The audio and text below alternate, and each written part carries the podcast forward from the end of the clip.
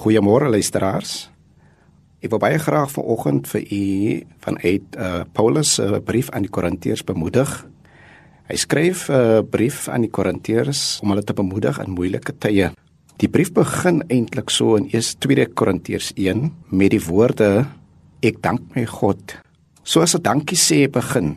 So hy begin met 'n 'n woord van prys, woorde van trots waar hy sy trots beskryf Dit is 'n blydskap vir wat die Here in die lewe van gewone mense bewerkstellig het. Daarom hierdie lied van prys aan die een wat die verskil kon gemaak het in mense se lewens. Dis woorde van opregte waardering wat uit die mond van die apostel Paulus uitstroom. Verlampe sê is 'n soort van 'n ronde van applous wat hier na vore kom as mens hoor hoe hy sê in vers 3 aan God die Vader van ons Here Jesus Christus kom al die lof toe. Waarom is die vraag? Hy is die Vader wat hom oor mense ontferm. Dit maak Paulus dankbaar. Hy is die een wat aan mense in hulle omstandighede moed gee. En hy dink aan die Korintiërs. Hy is die goedhartige Vader wat teenoor sondige mense genade bewys en sy genade staan vas. Hy is die een wat moed gee in oorvloed, meer as wat 'n mens toekom. Op 'n wonderlike manier troos hy mense en dit is Paulus se persoonlike ervaring.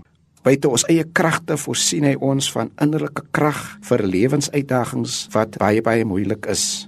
En wat se lewensuitdagings praat ons hiervan? Siektes, ongerief, tye van eensaamheid, oomblikke van beperkings van krag en beperkings van lewensbronne, swaarmoedigheid en verliese, tekorte en tekortkominge lewensuitdagings soos die aanslag wat onverwags oor ons kom en by ons families kom indring en kom nesval maak. En vir daardie rede kom Paulus en sê hy dank die Here vir hierdie gemeente wat gesien het hoe dat God in hulle behoeftes voorsien. En die doel van sy dank ook dan is na hierdie moeilike omstandighede opnoem is dat wanneer al die bittersmaak goed by ons kom nesmaak is dit die ervaring van die apostel dat die Here tog daarmee 'n doel het en dit wil bereik. Hy glo dit help ons om ander wat eers ook die sleg sou deur moet maak te kan help.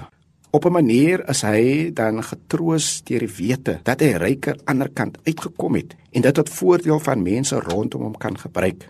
Vers 4 die B gedeelte sê hy juis Hy doen dit sodat ons ook in staat sal wees om mense in al hulle swaar kry by te staan met dieselfde bemoediging waarmee God ons versterk het. Luisteraars, kom ons wees bruikbaar.